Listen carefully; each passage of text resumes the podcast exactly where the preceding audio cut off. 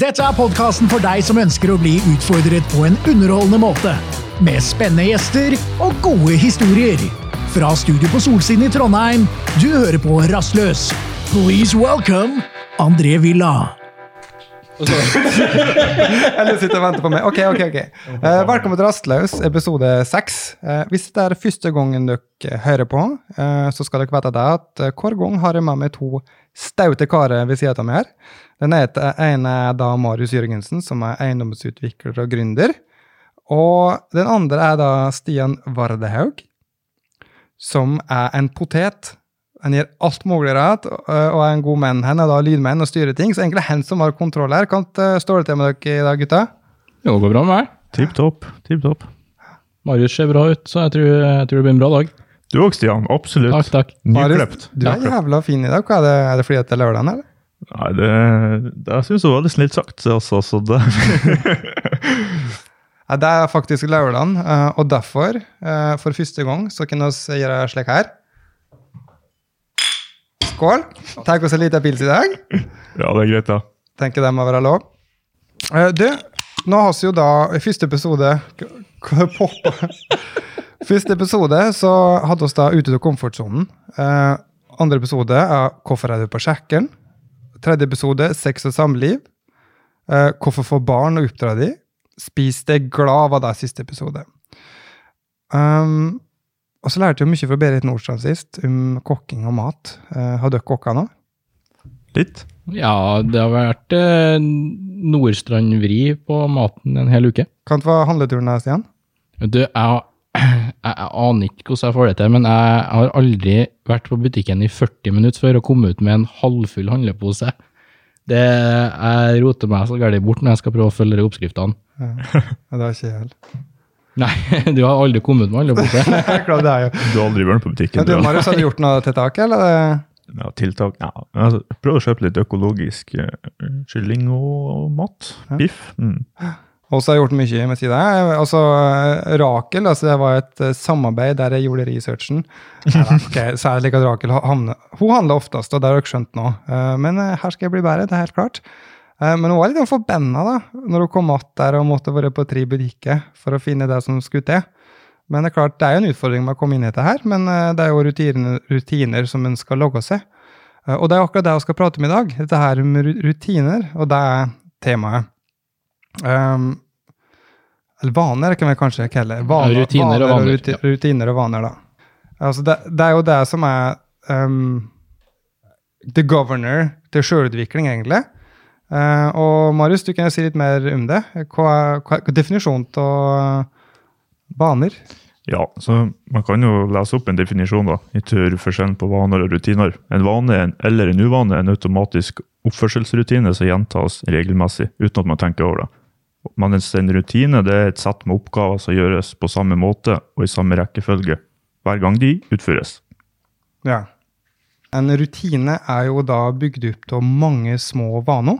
Mm. Eh, og, og det er jo ofte like at det er vanen som holder oss tilbake for å nå de målene som vi eh, ønsker å, å nå.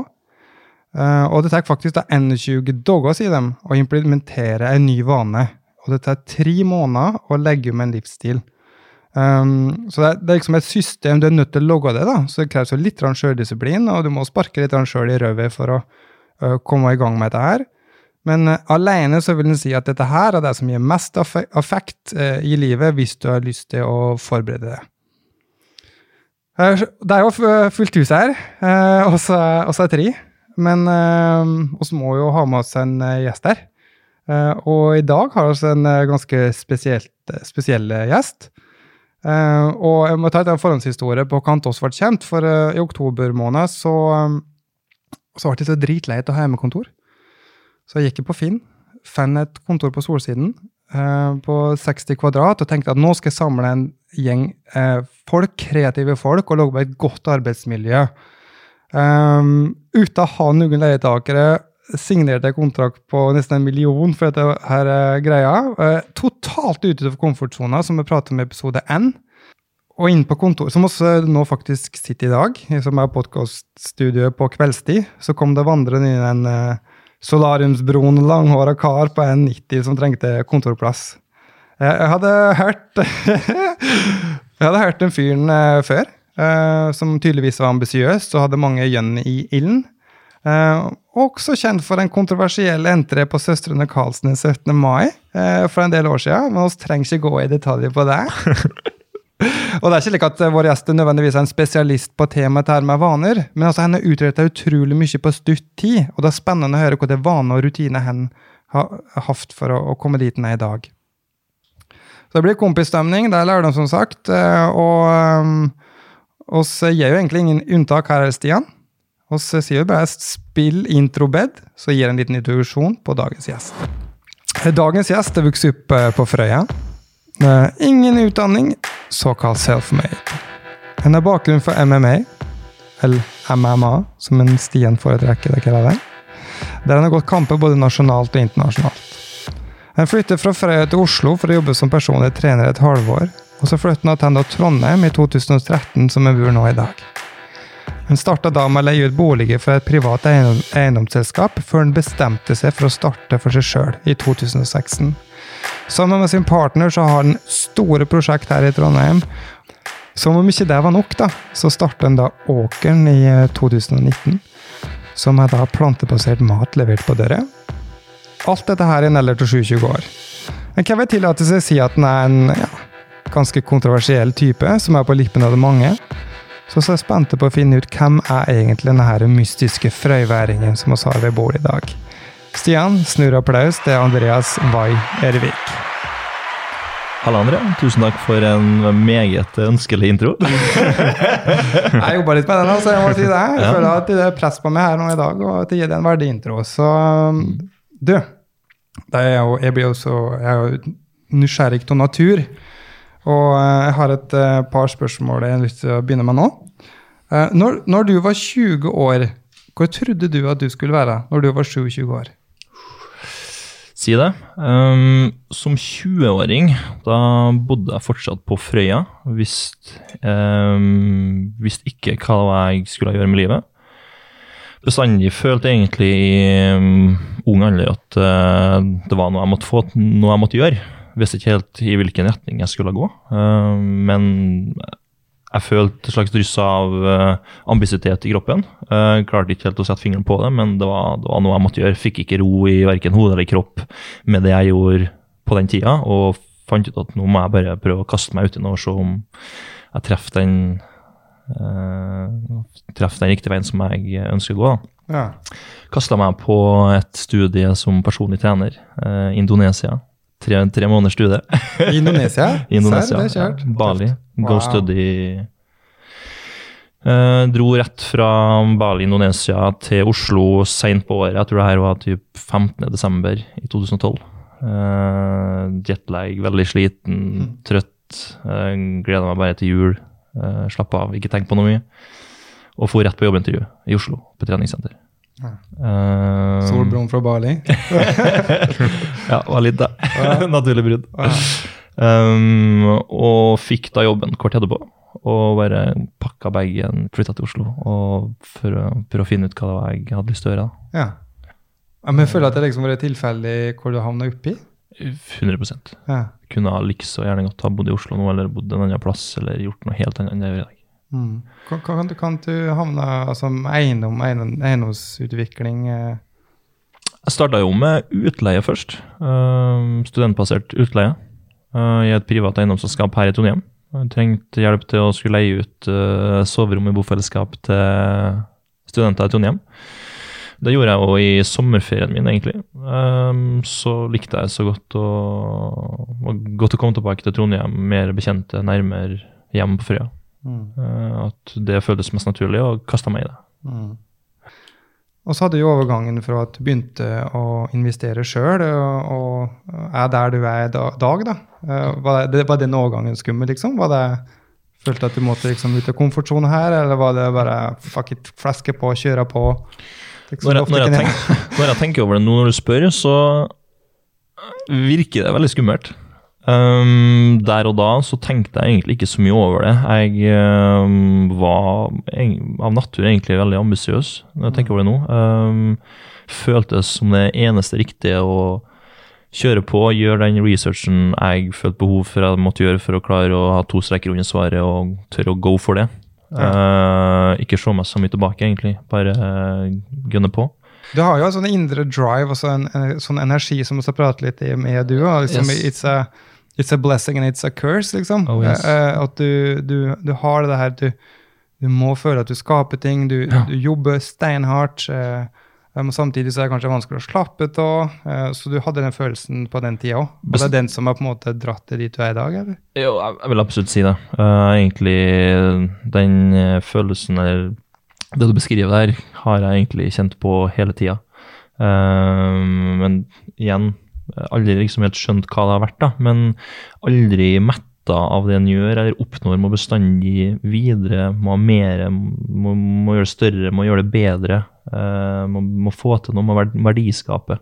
Godt motivert av å, å skal skape noe. Hva er motivasjonen din for deg egentlig? Er det liksom, handler det om det indre i det, eller handler det om at du vil imponere folk?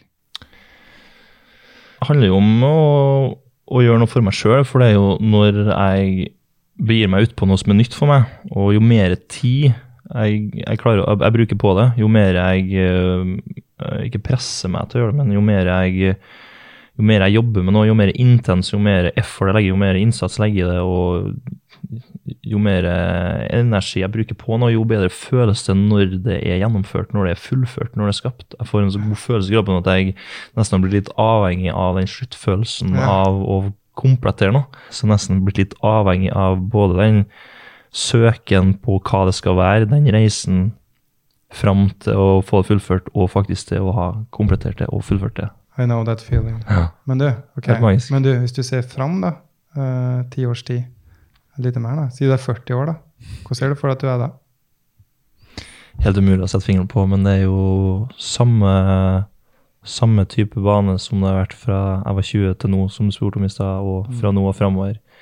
Bare helt sikkert annet tem helt høyere tempo, annen kvalitet, har mer legoklasser å bruke til å skal bygge, bygge ferdig legohuset og ha en mestringsfølelse av det, og kan bygge flere samtidig, og ja, mer fartstid til å vite at Det er, jo, det er et spørsmål jeg stiller, for det er umulig å svare på, egentlig. Men du klarte Det så, for at det er jo like at det er et uttrykk som sier at du undervurderer hvor mye du kan utrette på et tiår, men du overvurderer hvor mye du kan utrette på et år.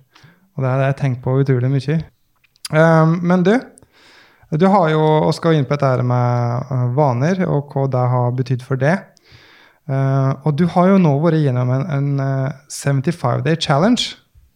Uh, hva er det for noe?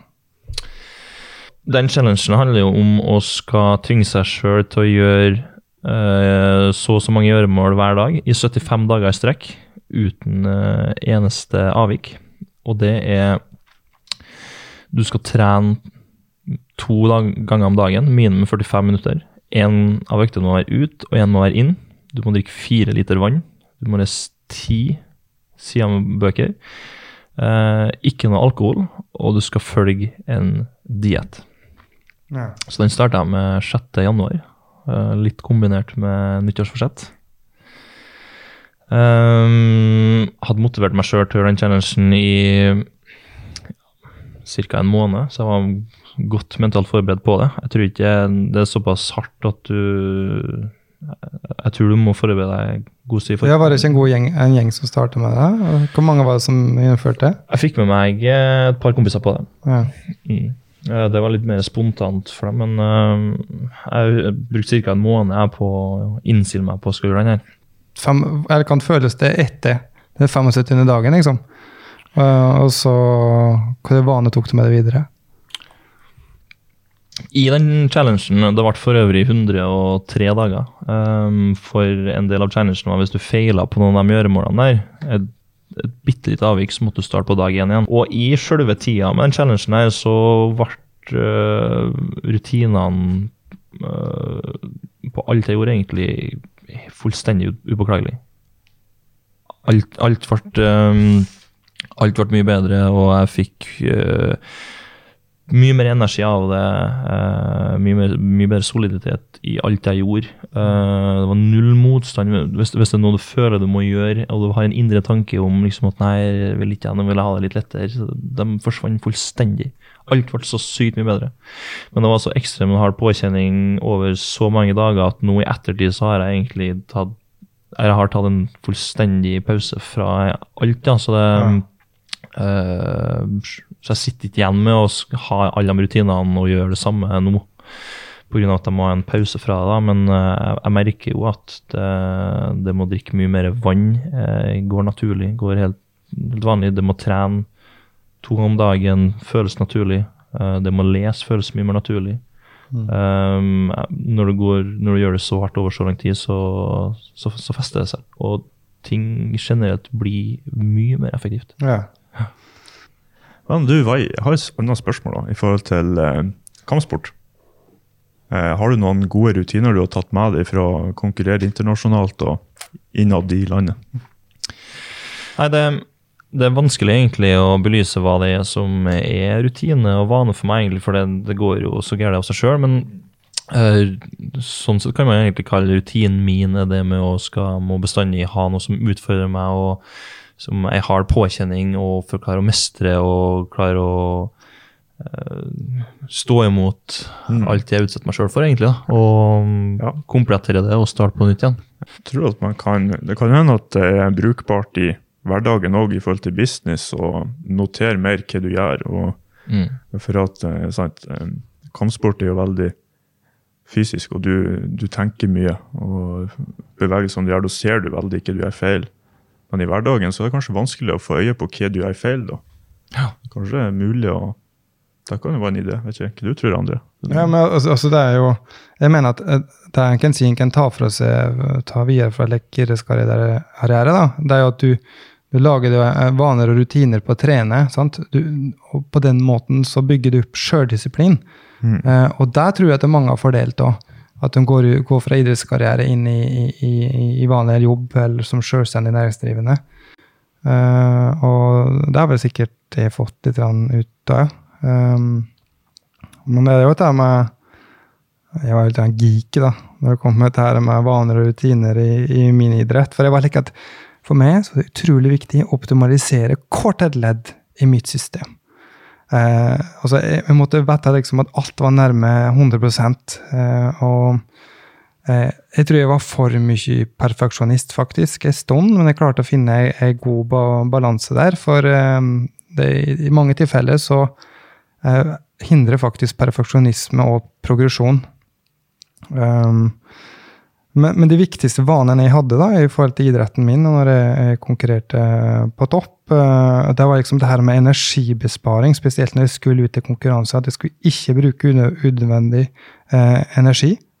Jeg må spare til energien til når jeg trengte det. Um, og så måtte jeg være på topp med maten hele tida. Og så måtte jeg time blod, blodsukkeret mitt så det var på topp når jeg skulle levere.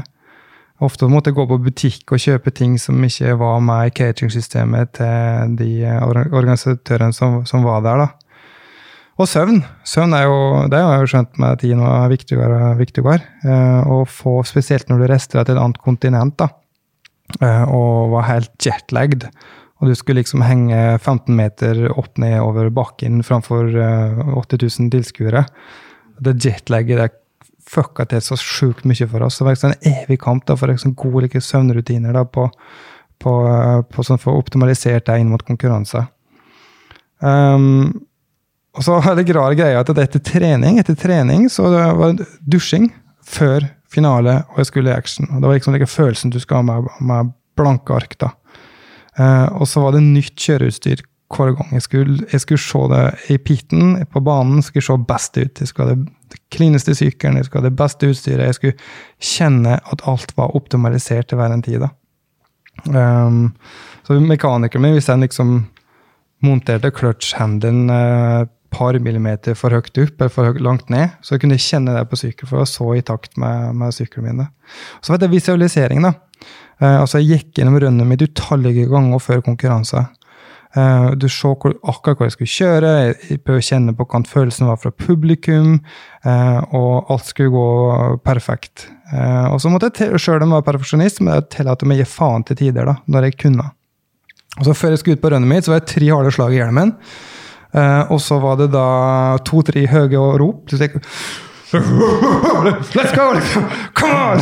Så skal jeg ringe gærent. Ja, det, men det er lek. Eh, og så var det da bare bite sammen tenn og egentlig og, og kline til og, og, og, og sette inn killerinstinktet. Um, og så killerinstinktet, eller fokuset, da, Uh, altså var på da tidspunktet der avhengig av alle disse her små vanene som jeg hadde etablert, da, som jeg da etter hvert blitt en rutine. De, de rutinene har du jo egentlig enda. Vi er jo en del eh, runder å trene hvor du kjører. Og vi kan stå oppe i Bjørkmyr mutters alene på toppen av et bukkverk. Og det er bare oss to, og det er tidlig på morgenen, og fuglene kvitrer, har stakkars ikke stått opp omtrent, og så hører du Så kommer det en syke durende ut fra skogen. Det er jo sånn assosiasjon, assosiasjonsbasert eh, Har du ikke lest om det i forhold til Ja. rutiner? At du, når du sier det til deg sjøl, så går kroppen i kampmodus. Ja. Så du kan uh, Ja, det er faktisk det. Jeg vet det.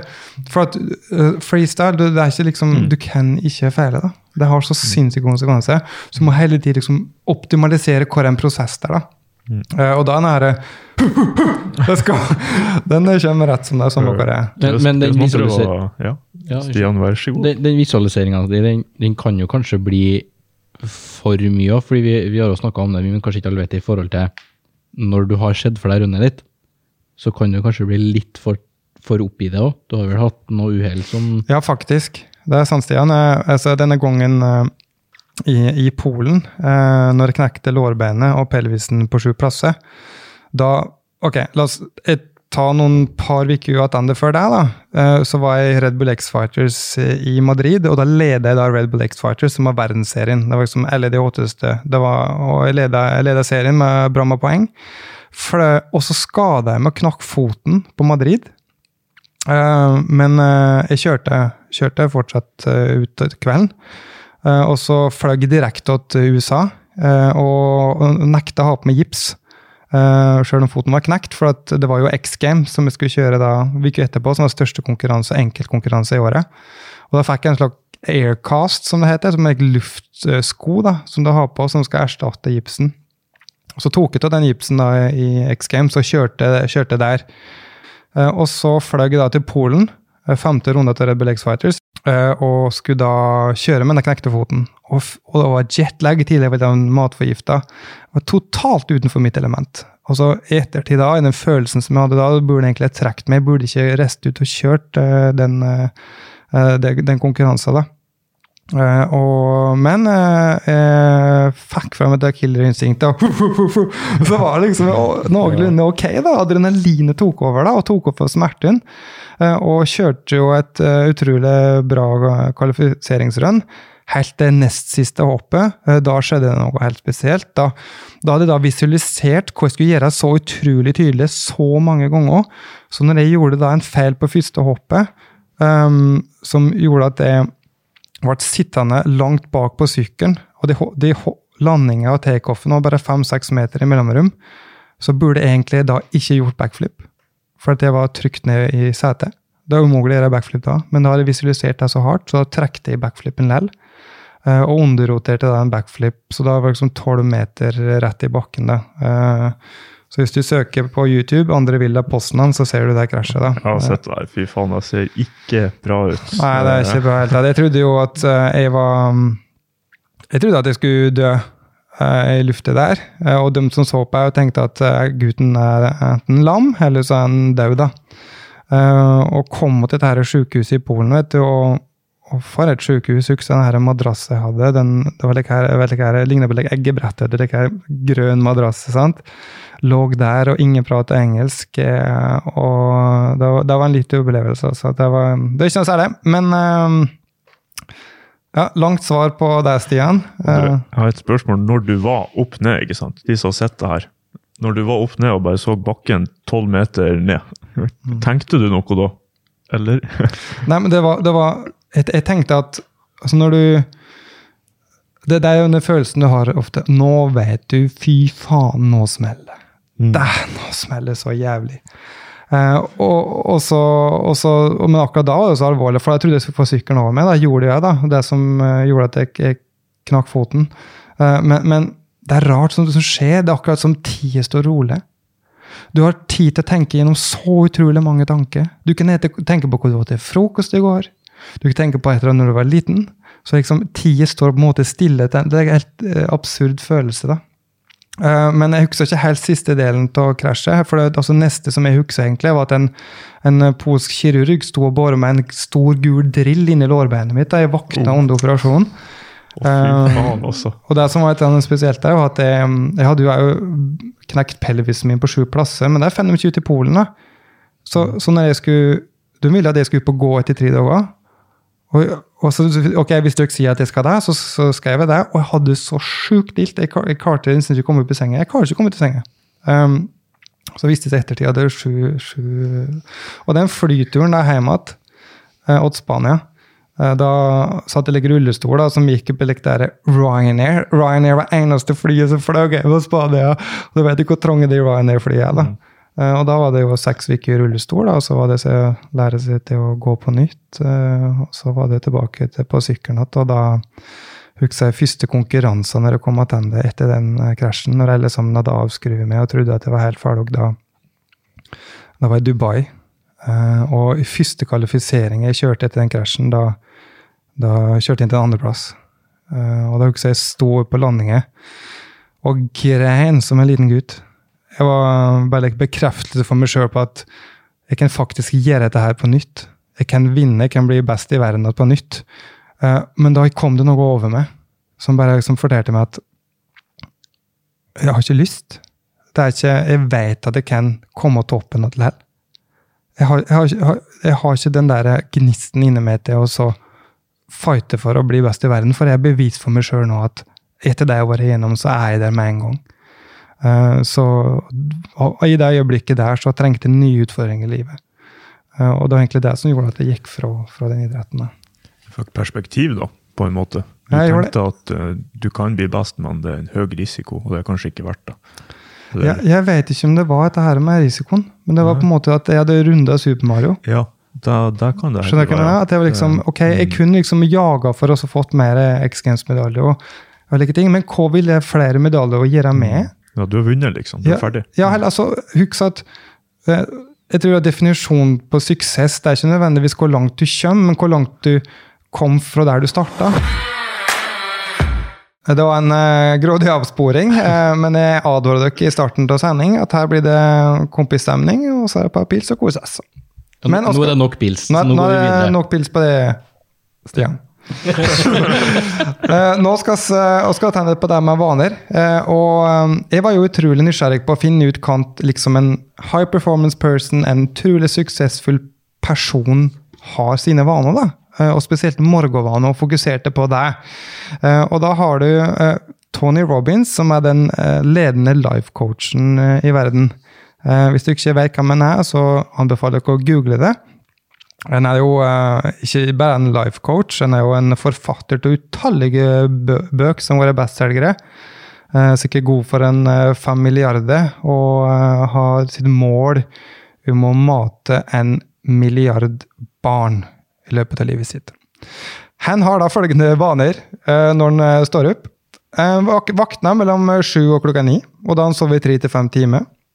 Som jeg overraska meg, egentlig, for er så, søvn er jo utrolig viktig. Og det kan godt hende det forandrer seg etter de nye forskningene som har kommet fram i det siste. Så drikker en da en shake med mye grønt, antioksidanter osv. Så, videre. så kjører han da en treningsøkt. Rutine nummer tre en, da, det er et måltid nummer to, som består av egg fra frittgående høner og, og organisk kokonøttbrød. kokonøttbrød. Eh, og så begynner man å pusteøvelser, som er dype inntrekk helt ned i magen, mens en da løfter armen tre sett på 30 sekunder. Det er noe som en da gjør hver dag. Og så har han da viser takknemlighet. Det er jo noe som vi sjelden egentlig gjør og tenker over. Eh, Men bruker da ett minutt på de tre tingene han er mest ta- takknemlig for.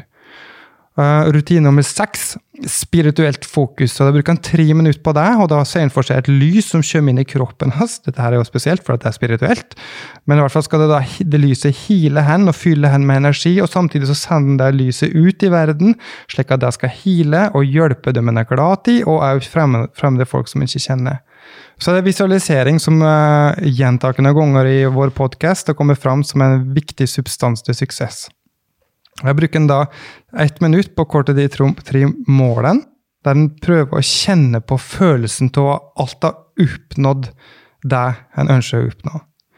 Og så er det 15 minutter med intensiv trening, der det inkluderer en terrormaskin, som jeg kaller det. Eh, men det er, altså, det er mye statisk trening før en da går inn i badstue, og så går ned i et isbad. For en henger tre minutter opp og ned, og strekker ryggsela, og da får en hjerterytmen sin. Og dette med isbad det er interessant, for det er noe som en har i alle sykehusene sine. Og det er jo ikke det at en ønsker å gå etter isbadet. Det, det helvete er jo like vondt og jævlig for hen, men det er fordi at hen skal disiplinere seg sjøl. Hen skal si at 'I'm the boss of me'. altså skal, Det skal ikke være noe tvil. og Derfor så bruker han den teknikken til å starte dagen sin, for å så, så bygge opp til en god sjøldisiplin. Og så starta da 16 timers arbeidsdagen. Hva tror du det, Marius? Ja, jeg syns det var mye gode tips å hente, hente inn der. altså. Nei, men helt seriøst, Det er jo helt vilt å tenke men, på. Eh, jeg tenker den søvna det er litt rart. Altså, det skjønner jeg ikke helt. Jeg leste om, jeg leste om det er noen som har eh, behov for mye mindre søvn. Men sånn så tre timers søvn, det, jeg tror ikke det er en langtidsløsning. Eh, for, ikke for de fleste, også. Men kompenserer kanskje det de rutinene har på morgenen for deg? Jeg vet ikke. Du kan, men... du kan ikke det. Altså, når du sover, så lagrer du jo minnene dine fra det du har gjort hele dagen. Det er da du får langtidshukommelsen din. Det er mye som skjer. Du reparerer cellene. Du, det, tar lengre tid enn tre timer. Altså. Du må komme i dyp søvn. Men, men, i hvert fall det som jeg fikk ut av dette her, da, å lese disse rutinene, er at fy faen, jeg må i hvert fall skjerpe meg, tenker jeg. Hvis jeg kan gjøre 10 av dette her, da, 20 av dette her, men da bruke litt til inspirasjon, så uh, Tony Robinson sine vaner, da, uh, så er det definitivt mer en kan gjøre for å bli en bedre person, som gir mer energi, som gir mer bedre resultat. Mm. Mm. Men for å, for å, snu litt rundt på det vi har snakka om her nå, med vaner og rutiner her hva, Vi må jo også belyse uvaner. Mm. Hva tenker du der, Marius? Ja, vi skulle gjort det. altså Uvaner er jo ting man gjør automatisk som man i utgangspunktet kanskje ikke burde gjøre så mye av. Jeg har nok noen uvaner. så nei, jeg har eh, Skal vi se. I hvert fall før da, så jeg har jobba bort mye av det. er Jeg så mye på TV før, og så er jeg en sånn her person. Så jeg ser lite på serier. så Hvis du begynner å se på noen serier, så kan du plutselig om, omdirigere to dager i strekk og bare se på serier. Jeg er helt jeg er helt styrløs, jeg, altså. Så, så jeg, har, jeg har ikke Styrløs? Styrløs. styrløs. Hva ser dere oppi Vågå, Endre? Rastlaus og styrlaus og sjalottløk. Sjalottlauk. Kan du si sjalottløk bare sånn fort? Charlottenlauk? Sier ikke ikke charlottenlauk fort, da, vet du. Sier sjalotten? Sjalottenlauk? Eller sier sjalottlauk? Men den beste løken, Med sånn, Sier charlotten? Charlott, charlottelauk. Ja. Ta på nytt, fra start. ja. ok, ja. Ok, Takk. Mm. God, god idé. Mm. Godt, godt tips. Godt. Godt tips, ja. Godt. Kan du begynne å snakke litt om eh, Kanskje André har noen uvaner du har lyst til å dele? eller? Hvem er? Jeg? Du av har, der. du har ingen råd, du. Ser ikke på. TV eller Netflix eller Rap eller Jeg Jo, det, jeg, jeg har det. Jeg har så klart har jeg uvane, jeg òg. tror du er en sånn snorker. Er Netflix og chille chill er ikke en uvane, eh, Villa. Det er ikke det, nei? Det det er god Nei. vane. Den er- Uvanen er bare Netflix for hans del. Sjelden vare. kun chill, kun chill på han. Jo, så klart alle har uvaner. Eh, og det er jo også snu uvane til gode vaner.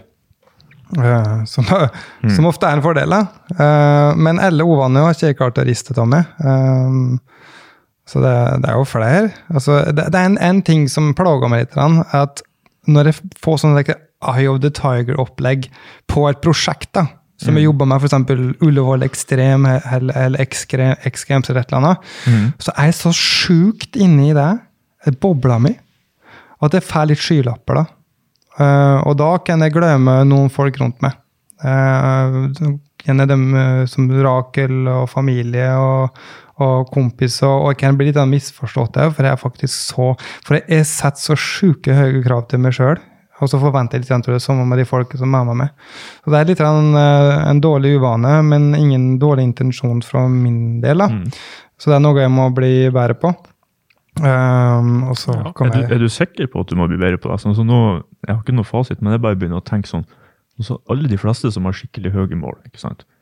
Og hva hvis at man, man kan enten tenke at man er sånn, og at man kan informere alle rundt seg at eh, når jeg har et skikkelig stort mål, og sånn, så kan det bli litt sånn skyggelapper og kommunisere om det.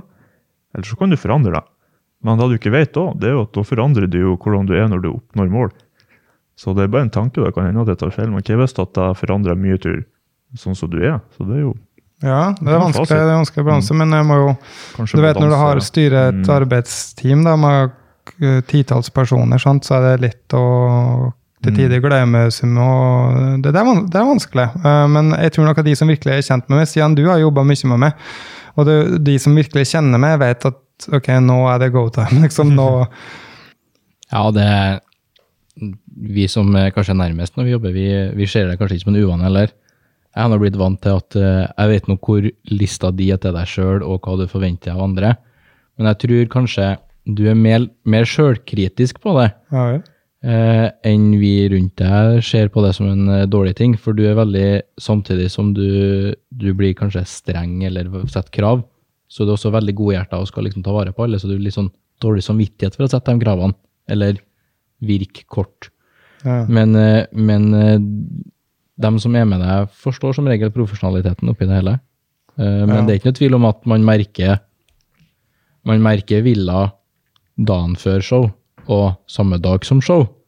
Ja. Det kan man merke. Eh, dagen før så kan det bli seint. Eh, og så våkner vi på morgenen og skal spise frokost. Da er det ganske Da er vi på. Er på. Men da Det var jo med Mo i Rana, du nå, så sa jo mange show rundt omkring i Norge de siste tida. og ganske ville tilstander og lite søvn. Du, du var på programmet mitt der, det er to-tre timer. og Ja, det var når, når eh, vi alle sammen hadde et hotell for oss sjøl oppe i Mo i Rana. Ikke at det var så jævla stort, men eh, når at klokka begynte å bli Jeg skal ikke si hva klokka var engang, for det tør ikke, men eh, det var, det var en periode med lite søvn og hvor man tenkte at morgendagen skulle bli tøff. og jeg gikk og tusla i gangen der midt på natta og trodde at nå må dere sove, for André skal tross alt kjøre i morgen, han òg. Hvor døra inn, innerst i gangen sto åpen. Der, eh, der var han André i full sving. Så eh, gikk eh, natta, og vi kom på morgenstimene, og da var det, da var det fullt fokus. Og det gikk bra, det òg. Ja, Det var egentlig det som er grunnen til at jeg slutta med deltidsshowet her, der du faktisk arrangerer sjøl, selger billetter sjøl, står med markedsføring og koordinering til absolutt alt. Og i tillegg skal jeg da levere over betonggulvet, opp og ned, hengende i en tå. Um, så, så, men uansett, um, det er jo en annen vane. Kan altså, gå i søvne er vel kanskje en uvane en kan si, da? Ja, og jeg syns det med å gå i søvne er veldig rart. Altså, kan du fortelle litt om det? det er, men jeg vet ikke om jeg gjør Jeg, tror, jeg gjør ikke det sjøl. Men fortell litt om det. Ja, Er det en vane? Vet, vet du vi gjør det, da? Ja, det vet jeg. Om Kanskje du vil forklare litt nærmere? Ja, nei, jeg, jeg har gått i søvne siden jeg var liten. Altså, jeg um, pissa i min fars sko og gjort litt av hvert, da. Uskyldig som det er, da. Um, men jeg har faktisk en historie der eh, om eh, uh, den gangen uh, Altså, hvis du, går, hvis du går på Google, da, og så googler du 'Norges mest sexy mann', uh, våkner naken i en hotellkorridor Du, det har jeg googla mange ganger, altså. Nei, det har jeg ikke. Da, da får du opp en uh, sak. Ja. Eh, og det som eh, skjedde der, da, var at um, eh, jeg var, på, var i Barcelona. på møte med Etnis, som var min sponsor på den tiden. Ikke low-key, ikke noe spesiell festing. Det var liksom bare middag og rolig. Og så våkna jeg da plutselig helt splitter naken på en hotell, hotellkorridor Jaha, ja. Mm. i Barcelona. Mm. Og det er jo skeptisk. Hva het hun for noe? Og så Jeg hadde jo dame på den tida. Jeg, altså, jeg hadde, jeg var sammen med ei dansk dame i åtte år. jeg vet jeg. Fortsatt, men det er mange jeg har hørt om våkne splitter naken. De har ikke, det var ikke deres skyld, men ja, fortsatt. Ja. Ja. I hvert fall så våkner jeg da på splitter naken i en hotellkorridor. Mm. Og det var litt der uh, Veggen var litt der uh, Inox-stil som der, trodde jeg var på et galehus, vet du. Trodde det klikka helt for meg. Eh, og, eh, og, så, og så prøver jeg å gå tilbake på um, rommet der jeg trodde jeg bodde, og banka på døra. Naken. Helt splitter naken. og så Jeg bor jo her! Det er her jeg kommer fra, liksom. Uh, og så, men ingen åpna, vet du. Og der var jo dama mi fra det tidspunktet. Uh, hun var jo inne på rommet. Eh, og ikke noe svar. Nei, nei, nei, hva jeg driver med nå, liksom? Og så gikk jeg tilbake til heisen. sjekket, Jeg jeg har gått i søvne ti feil etasje. Altså jeg er i en annen etasje. Og så begynte jeg liksom å se på den der, jeg har sett denne Mr. Bean-greia. En som le- leser seg ut naken, og så går han liksom med askebegeret over kølla eller ikke inn mot resepsjonen. Det tror jeg Det har jeg ikke har jeg sett. sett den. Ja. Jo. Jeg begynte liksom, ok, hva er det en Mr. Bean-episode som jeg kan bruke når jeg skal gå i resepsjonen og hente nøkkelen min splitter naken? Og så um, Så nei, det må være en rett etasje her. Det må være det som er rett etasje. Eh, så går jeg tilbake da, og banker eh, enda en gang. Hardt, liksom. Bank. Um, og så åpna jo da dama mi til slutt, da. Så jeg var, var jeg på rett rom, og så på den tida så hadde jeg hjemmeside, så skrev jeg noe om en episode her, da. Så ble det da plukket på VG og havna, havna der, da. Så Men, men jeg har nå sett askebeger, jeg. De er jo ikke jævla store. Nei, jeg vet ikke. Hotell Høge, høge vet du. That's what I'm talking about. Ja, Marius, du claimer å jobbe utrolig mye. Men, Utrolig mye. ja, du gjør det. Eh, men har du noen gode vaner som har gjort det? Så jeg sparer jo tid på å faste. Det første måltid mitt er klokka tre. Da jeg sparer jo tid på å ikke spise frokost og lunsj. Så det er en ting. Og så mediterer jeg to ganger om dagen. Og det er egentlig for å resette um, Samme som vi har om litt nå, det kalles jo egentlig tankeskjør. Og det at du på en måte ikke har 100% frivillig kontroll over tankene du har. At du tenker mye på ting. Når du har masse prosjekt, så blir det sånn. Så eh, meditasjon eh, er liksom en sånn motpol i forhold til å nullstille deg der litt. Men, men du, du, du fortalte meg før, sånn sier Mm. Du setter i dusjen. Fortell om det.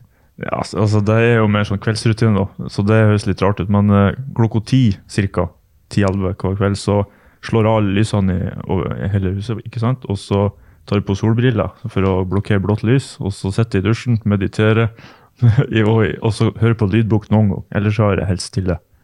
Og når jeg er ferdig med det, så er på en måte alle de her eh, tankeloopene gjennom en arbeidsdag på 13-14-15-16 timer. Det er, er masse sånn looper som ikke er ferdig. Og de avsluttes tror jeg det her.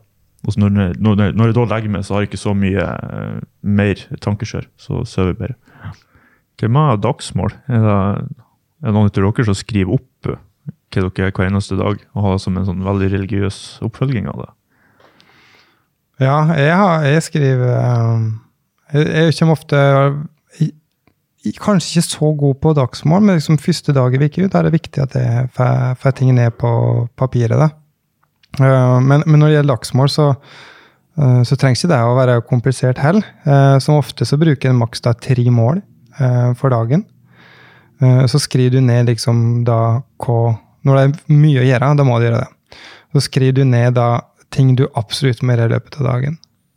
Og en annen ting som eh, fungerer utrolig bra, og som er en gjenganger til suksess da, for eh, mange, er jo dette her med journal, eh, som er brukt i utvikling. Eh, men den kommer i redskapskassa, og den kommer nå. Welcome to the Toolbox, where we're going to show you how to use your tools correctly. Like we say in America, you can lead a horse to water, but you can't force him to drink it.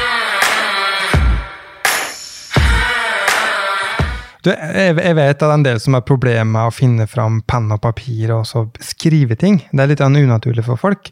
Så jeg vil utfordre dere nå til å lage en ny vane til det. Eh, For det er ekstremt effektivt. Eh, Og for meg så fungerer det enda bedre hvis du faktisk skriver ned for hånd. Eh, Og i den journalen som vi prater om, så, så skriver du du kan skrive hva du vil, og hvor ofte du vil. Men det viser seg at det har størst effekt ved å gjøre dette her hver dag.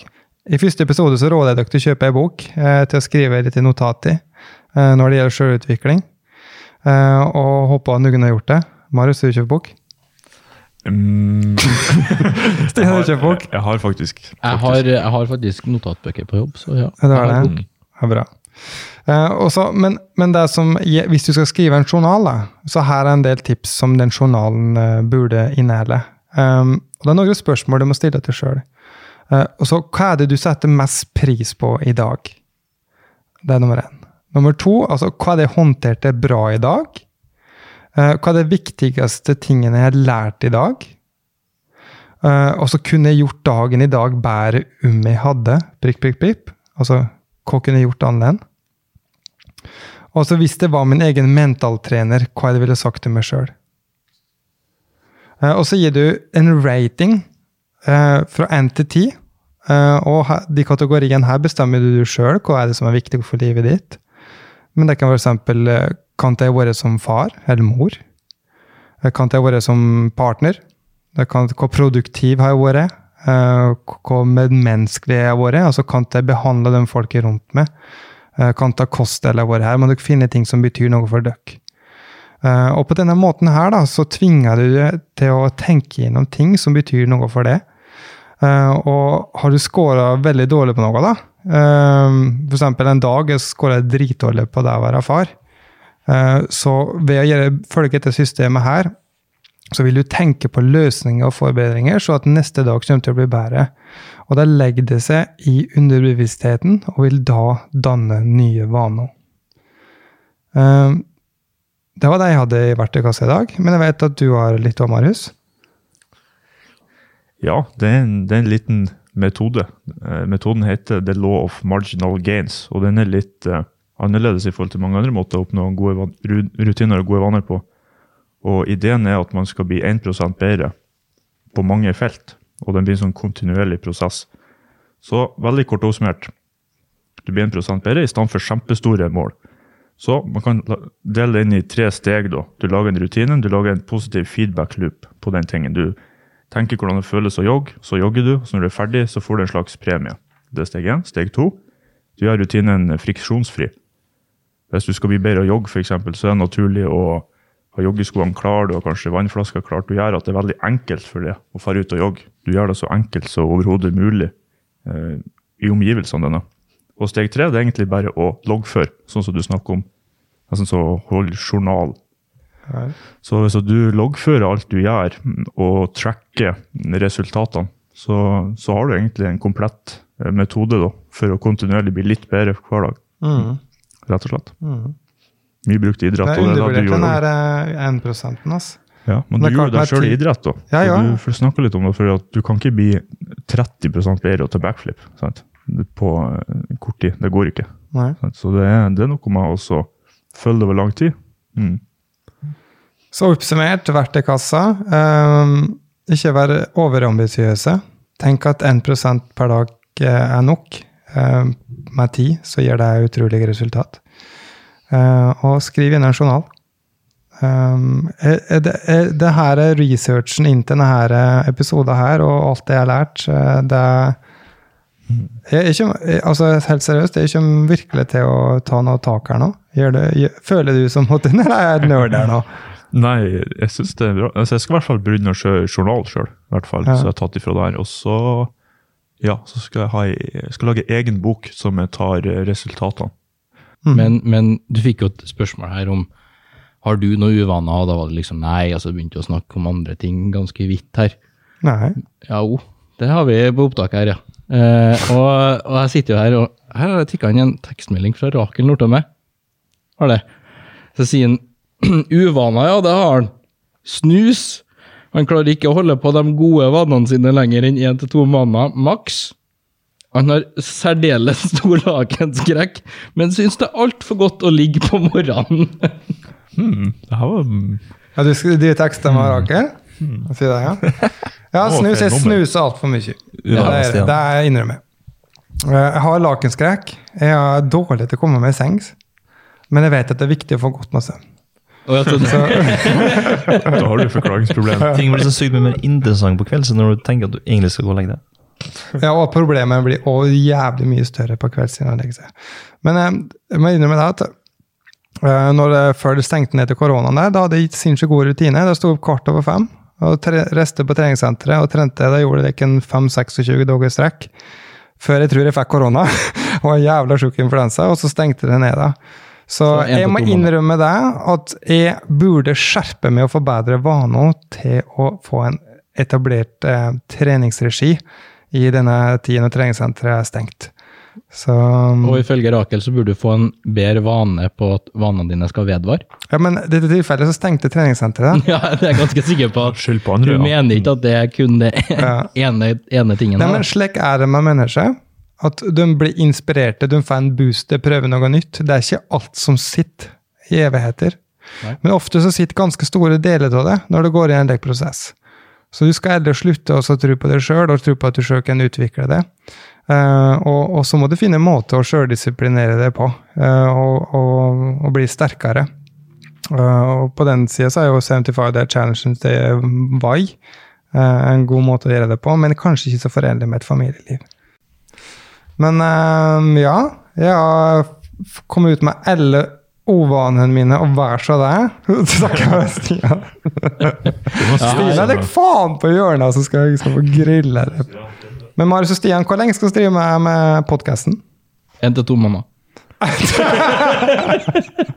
Ja, men det kan godt hende. Hva føler dere egentlig er prosessen her? Altså Nå er vi på sjette episode. um, Jeg har lagt ned titalls tusen i utstyr, og det er nesten 50 arbeidstimer hver episode. Mm. Eh, Hvordan føles det her og står nå i dag? Ja, Jo, jeg syns, jeg det er bra. Marius. Men Det er artig, da. Det er det. Det er det. Å lære en del sjøl, men det er ikke tvil om at dette her er noe som vi gjør eh, for folket.